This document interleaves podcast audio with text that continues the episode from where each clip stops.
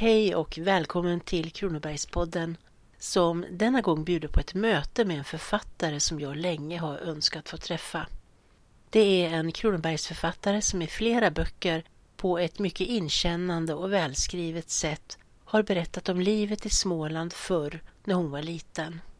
Hon heter Hjördis Törnqvist och föddes 1930 i Mörtelek utanför Åseda. Och hennes barndomsvärld var helt annan än vår. Istället för elektricitet hade man fotogenlampor. Luffare traskade runt och bad om att få sova på höskullen och få en möjlig matbit. De som inte kunde ta hand om sig själva kunde hamna på fattigstugan. Man använde hästar som draghjälp ute på åkrarna eftersom traktorer ännu inte hade blivit vanliga och det fanns inga skolbussar utan barnen fick traska till fots även om det var långt till skolan. Om detta Sverige innan vårt välstånd byggdes upp berättar Hjördis i skönlitterär och delvis självbiografisk form. Jag besökte henne för att intervjua henne och ställa olika sorts frågor om hennes författarskap och började med att undra över hennes skrivande innan hon till sist började publicera sig i bokform. För jag anade att hon hade börjat skriva tidigt. Hennes far Gunnar Karlsson var också mycket intresserad av historia och medverkade med flera artiklar i Åsedabygden, hembygdsbok för Åseda hembygdsförening. Med sitt intresse för tal och skrift torde han ha varit en kanske omedveten men ändå självklar inspirationskälla för sin dotter. Gördis, jag tror att du har fått väldigt mycket ifrån din pappa för att jag har förstått att han skrev och forskade väldigt mycket. Men ändå väntade du ganska länge innan du själv debuterade som författare. Fast jag misstänker ju att du har skrivit hela livet, för så brukar det ju vara för skrivande människor. Men vad var det för sorts texter som du fokuserade på innan du skrev dina noveller och berättelser som sen kom ut i bokform?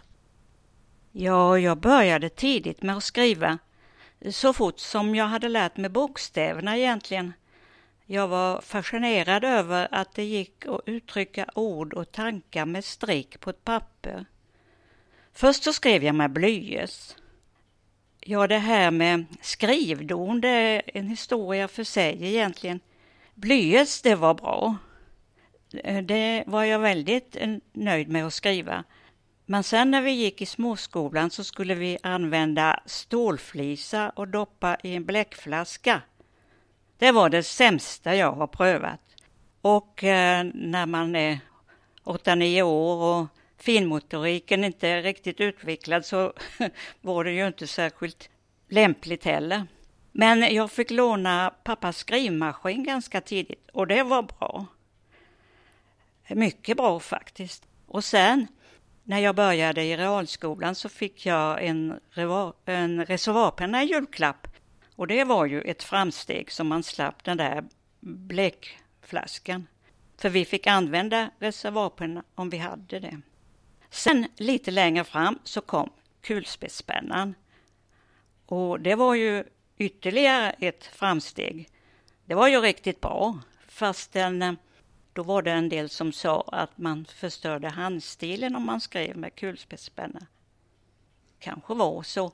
För att, eh, ja, jag vet inte hurdan handstil folk har nu, men skrivstil skriver man ju inte, men handstil har man väl i alla fall. Ja, och sen när jag började på jobbet så fick jag en elektrisk skrivmaskin och det tyckte jag var bra och sen fick vi en elskrivmaskin med raderingstejp. Det var alla tiders bra och sen kom fulländningen, datorn.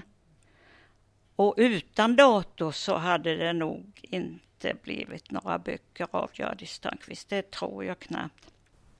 Vad jag skrev före böckerna?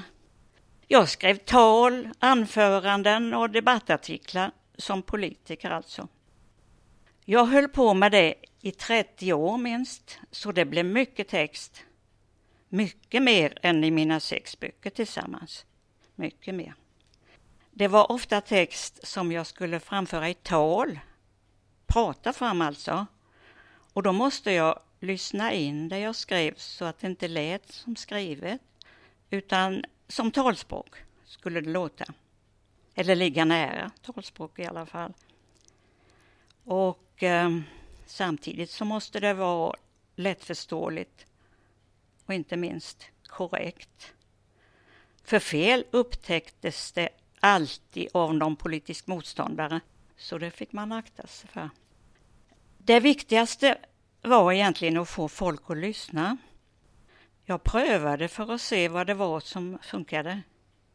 Och resultatet kunde man ju avläsa direkt när man pratade.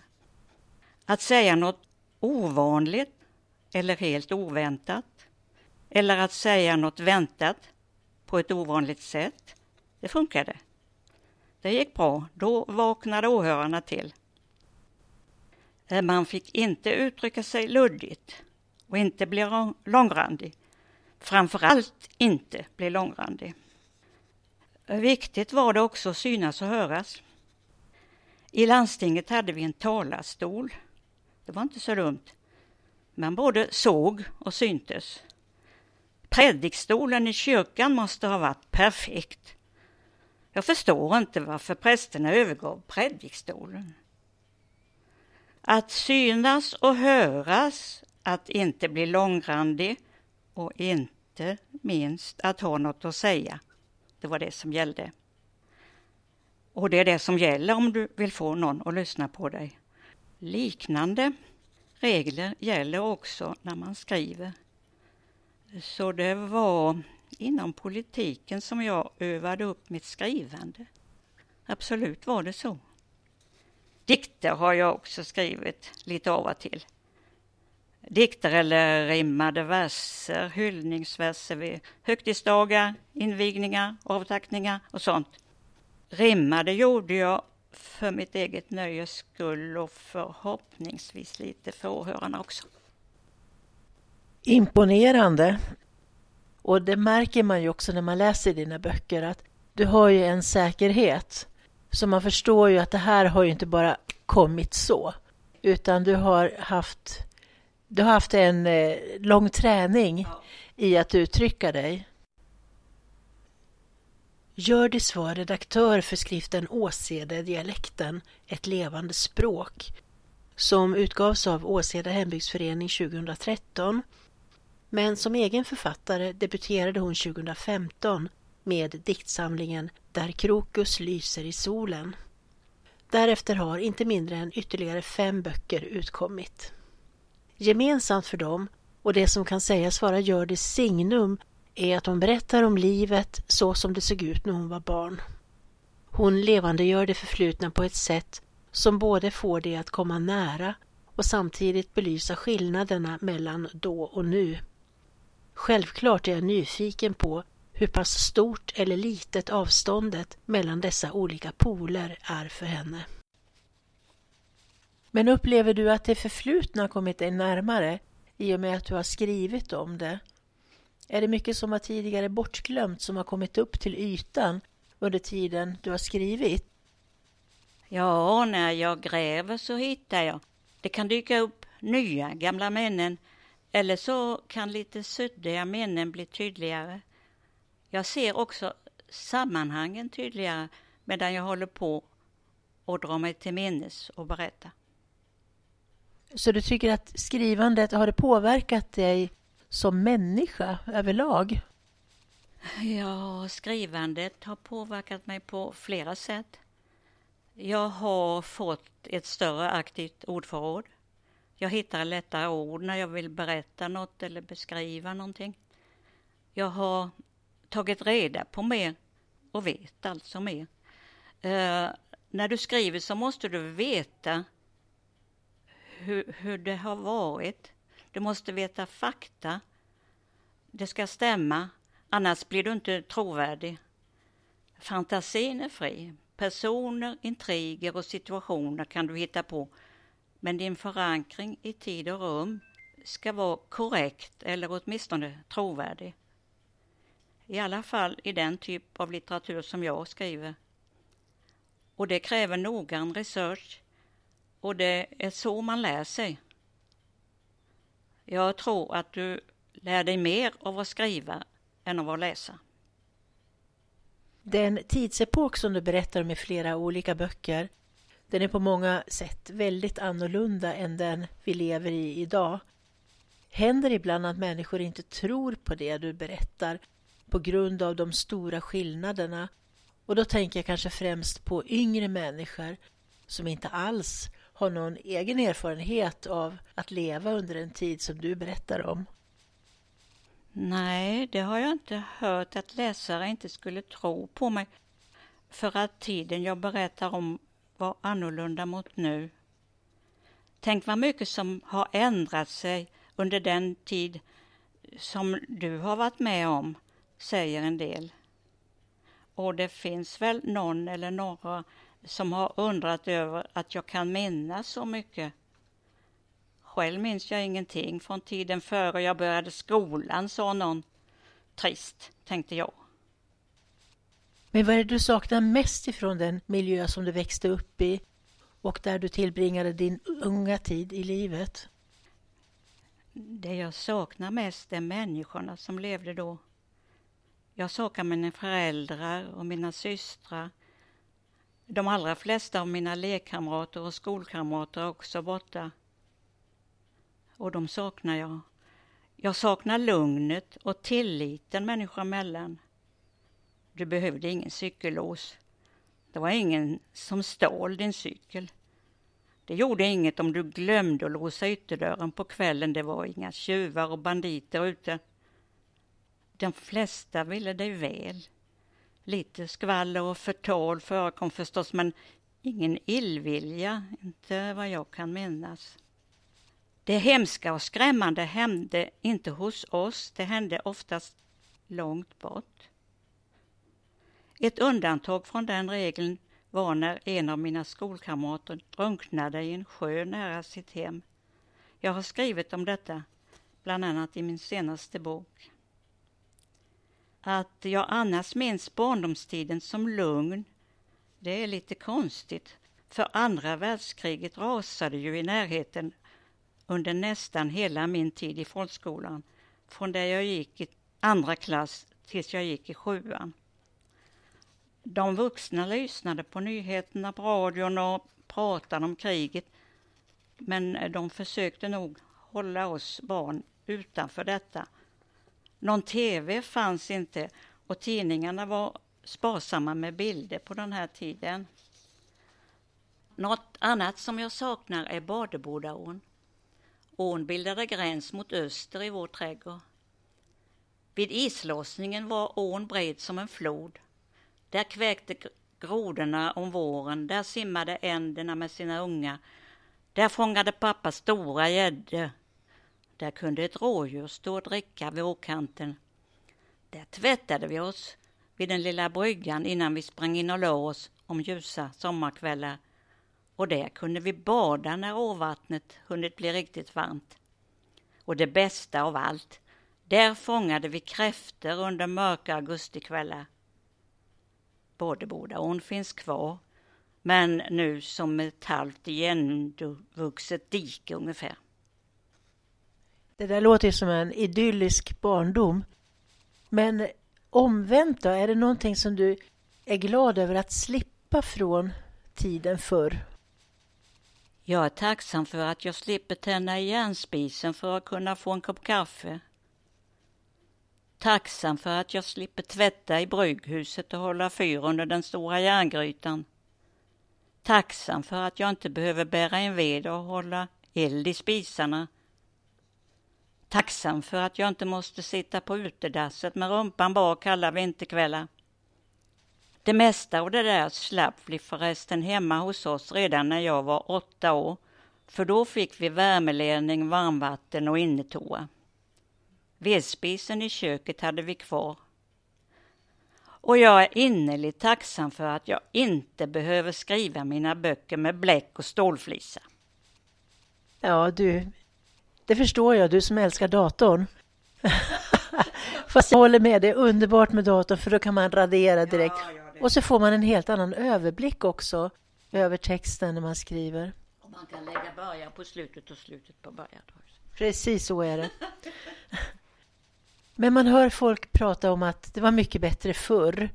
Hur skulle du vilja kommentera det? Håller du med om det eller? Det fanns det som var bättre förr och det finns sånt som är mycket bättre nu. Fastän just precis nu är vi väl inte på någon topp direkt. Det är mycket som är svårt och oroligt just nu. Krig, människor på flykt, miljöproblem, klimatkris, inflation och svår brottslighet. Pandemin var också en svår tid men där har vi väl kommit över det värsta. Så man kan nog säga att det var bättre för fem år sedan eller för tio år sedan. För maken och mig var det definitivt bättre för tio år sedan. Man orkar mer som 85-åring än vid 95. Och vi hade fler vänner kvar i livet för fem år sedan. Men å andra sidan, för tio år sedan hade vi inga barnbarnsbarn. Nu har vi 19. Oj. Eh, går man längre tillbaka så har det också skiftat.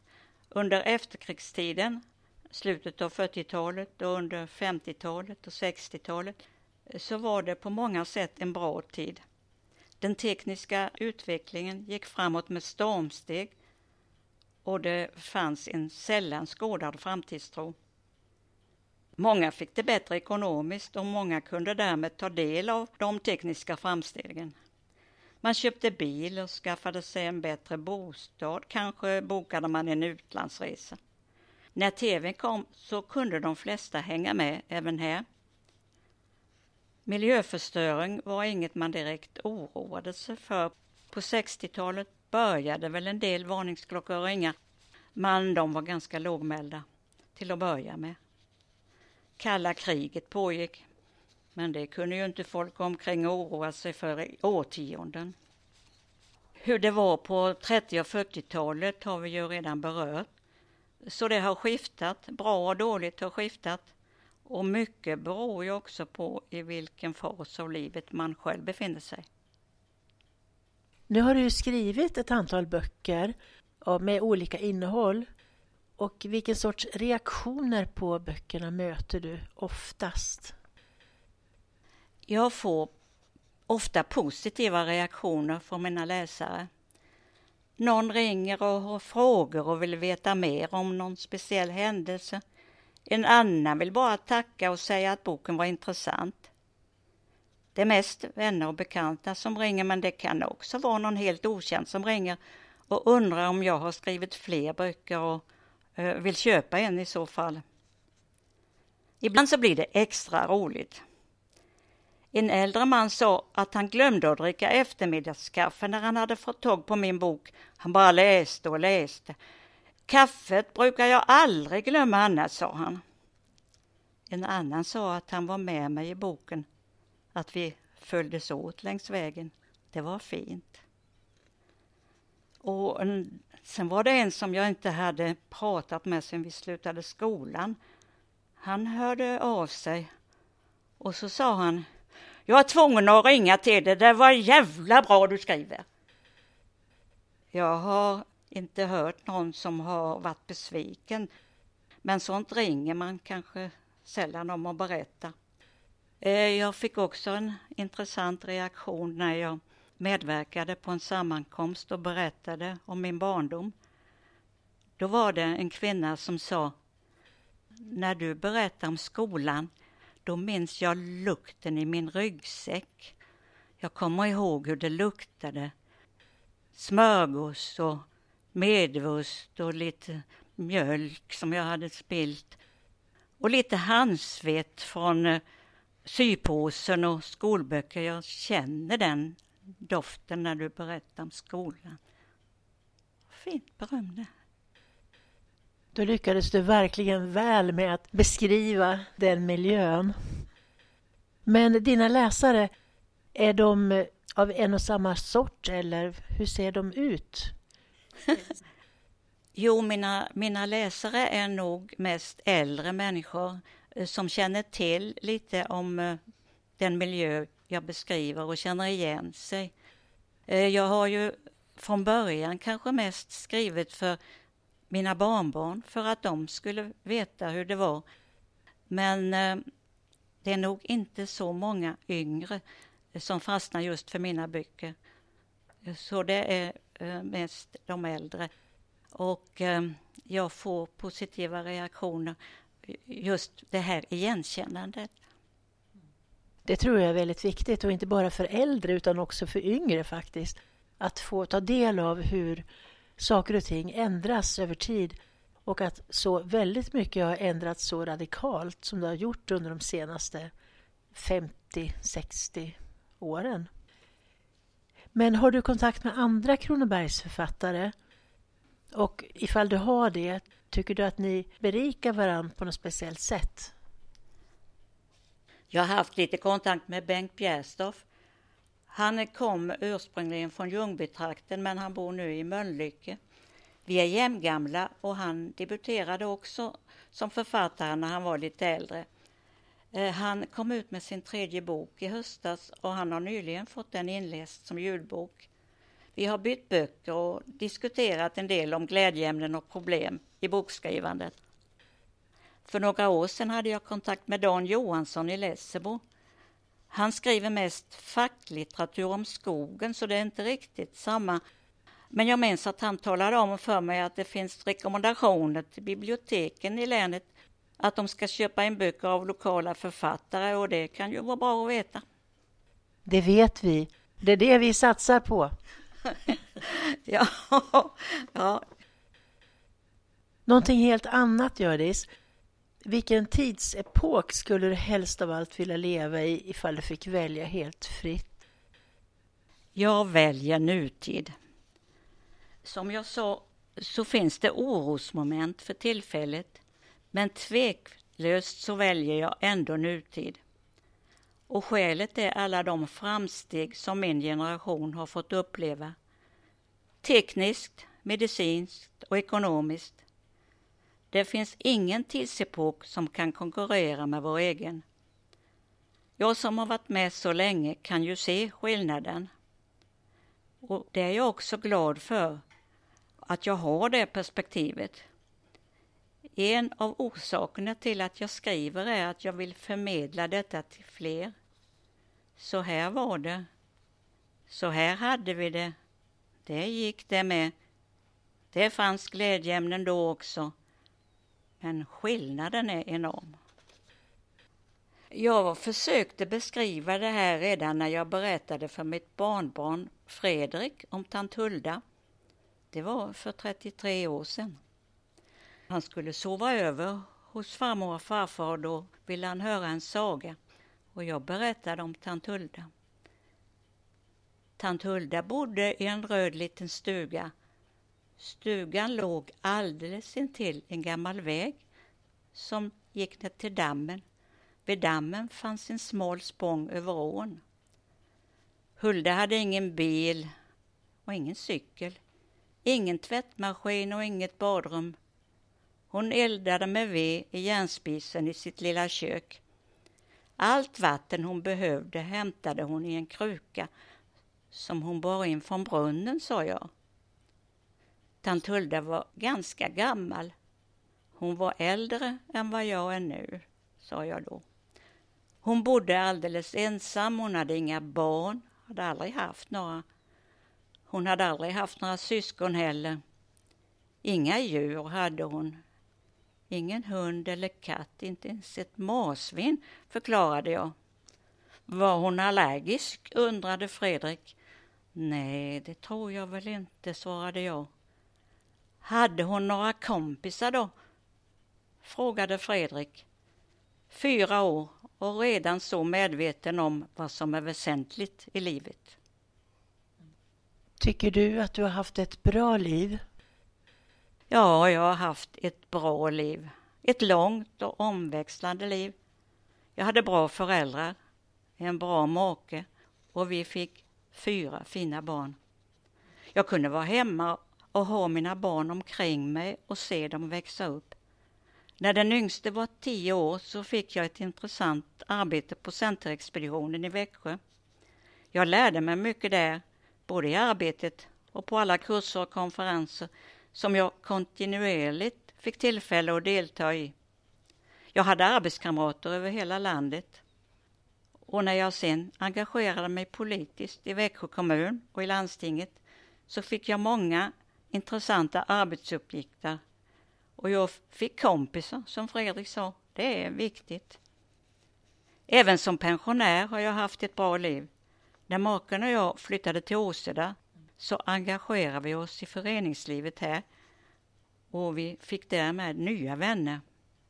Det var några av dessa som uppmanade mig att ge ut mina dikter. När jag föll för påtryckningarna och gav ut min första bok vid 85 års ålder så var bollen i rullning. Det blev fem böcker till och som jag har berättat bokskrivandet har också det gett innehåll åt livet. Och då kan jag ju inte låta bli att fråga, har du någonting nytt på gång just nu? Nej, ingen bok har jag inte. Jag, jag har um, hjälpt en god vän med lite, samla in lite uppgifter om situationen i min barndomsby och så. Men ingen bok har jag inte på gång. Men om vi återgår till skrivandet i sig. Drivkraften, den allra främsta drivkraften, vad utgörs den av? Skaparglädje. Skaparglädje. Är det någonting som du vill, känner att du vill förmedla också? Jag vill uppmuntra folk att skriva, även om de kanske inte tänker sig att publicera eller ge ut, så, så ger det eh, överblick över situationer och händelser och sånt. Du får en annan överblick om du sätter dig ner för att formulera i skrift. Så det är någonting som är bra. Och, och, det är intressant att stiga upp på morgonen och tänka nu ska jag skriva det och nu ska jag skriva det. Men det är lite dumt på natten när man ligger och får idéer och inte kan somna. Men det får man ta. det ska inte vara så lätt alla gånger. När det gäller litteratur då, finns det några särskilda litterära förebilder som är starkare än andra för dig? Ja, det är våra lite äldre författare kanske som har fastnat mest i minnet. Eh, Vilhelm Moberg är ju en förgrundsfigur för mig och Jan Fridegård och andra författare från den tiden. Per-Olof Enquist, Kerstin Ekman och det finns även nyare som jag har svårare att komma ihåg vad de heter. Till exempel hon som skrev om de som åkte hem och åkte upp och åkte fram till mor och, och, och bror och detta var intressant grej. Så förebilder kan man väl kanske säga men inga som jag försöker efterlikna. Du menar Karin Smirnoff? Ja. ja. Hon, är, hon är fantastisk. Ja. ja. Det kanske är svårt att lyfta ut någon särskild bok som den bästa bok du någonsin har läst. Eller finns det någon sån ligger gömd i ditt hjärta? Nej, det kan jag inte säga. Så jag tycker det är svårt att hitta både bästa bok och bästa... Bästa man kan jag ju hitta. För den haffade jag ju. Men inte annat vill jag inte gradera. Och då kommer vi in på min sista fråga här. Den kanske också är svår att, att fånga, bara att välja ut en sak. Men vad är det största som du anser har hänt i ditt liv? Ja, det tycker jag är rätt så lätt att svara på. Det största är att få bli mamma och få fyra barn. Lära känna dem och se dem växa upp och ta sig an uppgifter i samhället. När vi sen fick tio barnbarn så var det också en gåva i livet. Nu har vi dessutom 19 barnbarnsbarn. Det största i livet, det är alltså att få vara en länk i kedjan.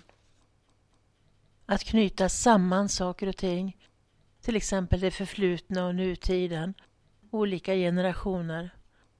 Och det, det här lyckas du så otroligt väl med. En av Hjördis böcker handlar om den gamla kyrkvägen som går mellan Åseda och Mörtelek fram till Mösjöhult. Denna cirka 14 kilometer långa väg slingrar sig fram i landskapet strax söder om riksväg 37 i riktning mot Oskarshamn. Och ända från Mösjöhult traskade kyrkobesökarna varje söndag, transporterade sina döda för en sista vilan på kyrkogården i Åseda eller färdades rent allmänt eftersom detta var en urgammal huvudväg. Längs med kyrkvägen låg ett stort antal torp och backstugor. Några av dem har rustats upp till semesterboenden eller permanenta bostäder men många har försvunnit och idag finns inte ens hörnstenarna eller trappstenen till dem kvar utan på sin höjd några gamla fruktträd eller spår efter en gärdsgård eller en murstock.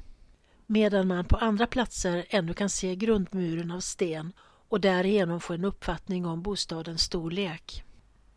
Med tanke på att det oftast bodde en familj med många barn där innanför ser ytan oerhört liten ut. Till en torpinventering som en studiecirkel utförde på 1970-talet fogade Hjördis samman material hämtat från gamla kyrkböcker, fotografier och andra hembygdsforskares insamlade uppgifter. Och resultatet blev en översikt över den gamla kyrkvägen där man på en karta kan se var ett 50-tal torp och backstugor varit belägna och i själva boken kan man sedan läsa mer om dem och deras bebyggare. Boken heter just Den gamla kyrkvägen. Där minnena av de boende funnits kvar har det också varit möjligt att återge små anekdoter och episoder som förstärker bilden av torparens liv i gången tid. Under 1800-talets senare hälft fanns det gott om torpare i skogsbygderna. De allra äldsta torpen torde ha byggts i slutet av 1700-talet. Inte alla torpare utförde dagsverken utan vissa torp var arrendetorp. Och många olika slags yrken var representerade bland de som bodde här. Där fanns skräddare, skogsarbetare, träsnidare, skomakare, murare, snickare, smeder, träskomakare, soldater, kolare och till och med en karamellkokerska. Man kan läsa om den fattige odlaren som hade så vacker sångröst att han anlitades för att sjunga ut lik innan likfärden till kyrkan ägde rum. Ett par tog sig fosterbarn från Stockholm och Uppsala och en torpare som var svensk-amerikan hade guldfeber och grävde upp stenprover ur marken som han skickade på analys. Och när torpare skulle avyttra sina produkter på marknaden var det inte till Växjö de reste utan till Kalmar. Dit vandrade somliga till och med till fots och hade med sig vävnader, smör, säd, potatis, djurhudar och myrmalm. En person som senare blev kändis i Växjö härstammade för övrigt från torpet Björkelund längs den gamla kyrkvägen strax öster om Mörtelek. Det var Erland Pettersson Lundgren som längre fram i livet blev känd som Snuslundgren i Växjö och innehade den tobaksaffär på Sandgärdsgatan där Café Deluxe idag har sina lokaler. Och i ett av torpen, den så kallade Hjälmastugan i Mörtelek, har Åseda hembygdsförening idag hembygdsmuseum där inredningen ger en god uppfattning om hur ett torparhem kunde vara inrett. En mild vårdag åkte jag och en kollega till Mösjöhult för att med egna ögon bese några av dessa gamla torprester. Vi möttes upp av en sympatisk kvinna som kunde skogen utan och innan som sin egen ficka och i hennes sällskap färdades vi längs med en gigantisk kyrkovägsmur av sten mitt inne i skogen och traskade sedan över mossa, trassligt fjolårsris, vildsvinshärjad jord och en och annan vattenpöl till olika stengrunder som visade var det hade stått torp och backstugor. Här och var syntes den gamla kyrkvägen tydligt men plötsligt kunde den vara nästan helt igenväxt. På vissa ställen hade skogsbolaget slarvat med plantsättning och granar upp till midjehöjd växte på själva kyrkvägen. Man skulle önska att någon myndighet värnade om att hålla ett sådant här kulturarv i fullgott skick och förhindra att denna gamla kulturhistoriska väg växte igen. Vår guide plockade flinkt upp två nerfallna trädgrenar som hon gav till mig och min kollega för att använda som gångstavar. Och med en sådan käpp i handen gick det plötsligt lättare att hoppa mellan tuvorna. Ifall vår guide rörde sig som en vig älgkalv utan behov av käpp för egen del så kände jag mig ungefär som Elvira Fattigan i Dunderklumpen. För i denna miljö här ute mitt i skogen kändes det naturligt att med ena handen hålla käppen och med den andra lyfta upp de små saker som man just på en sådan här plats kan finna och göra till riktiga skatter på samma sätt som barn samlar ihop sina rikedomar.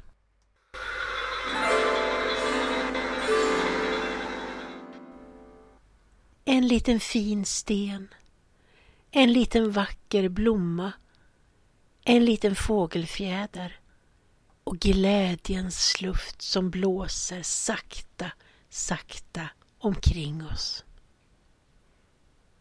Hjördis levande förmedling av sin hembygds torparbebyggelse gör att man känner djup respekt för alla dem som tvingades livnära sig på det lilla som jorden gav och det som de egna händerna kunde åstadkomma. Samtidigt som hon är en gudabenådad berättare om gamla tider så lever Hjördis i allra högsta grad i nuet och har blicken öppen både bakåt och framåt. Måhända är det därför som man upplever henne som så tidlös i sitt historiska perspektiv. Hennes inlevelse gjuter liv också i en gången epoks händelser och det är just det som är hemligheten med all stor kvalitativ litteratur, att den inte dör. Tack för att du har lyssnat. Jag som har berättat heter Ella Styv och arbetar på Växjö stadsbibliotek där också alla Hjördis böcker finns att låna. På återhörande. Hej!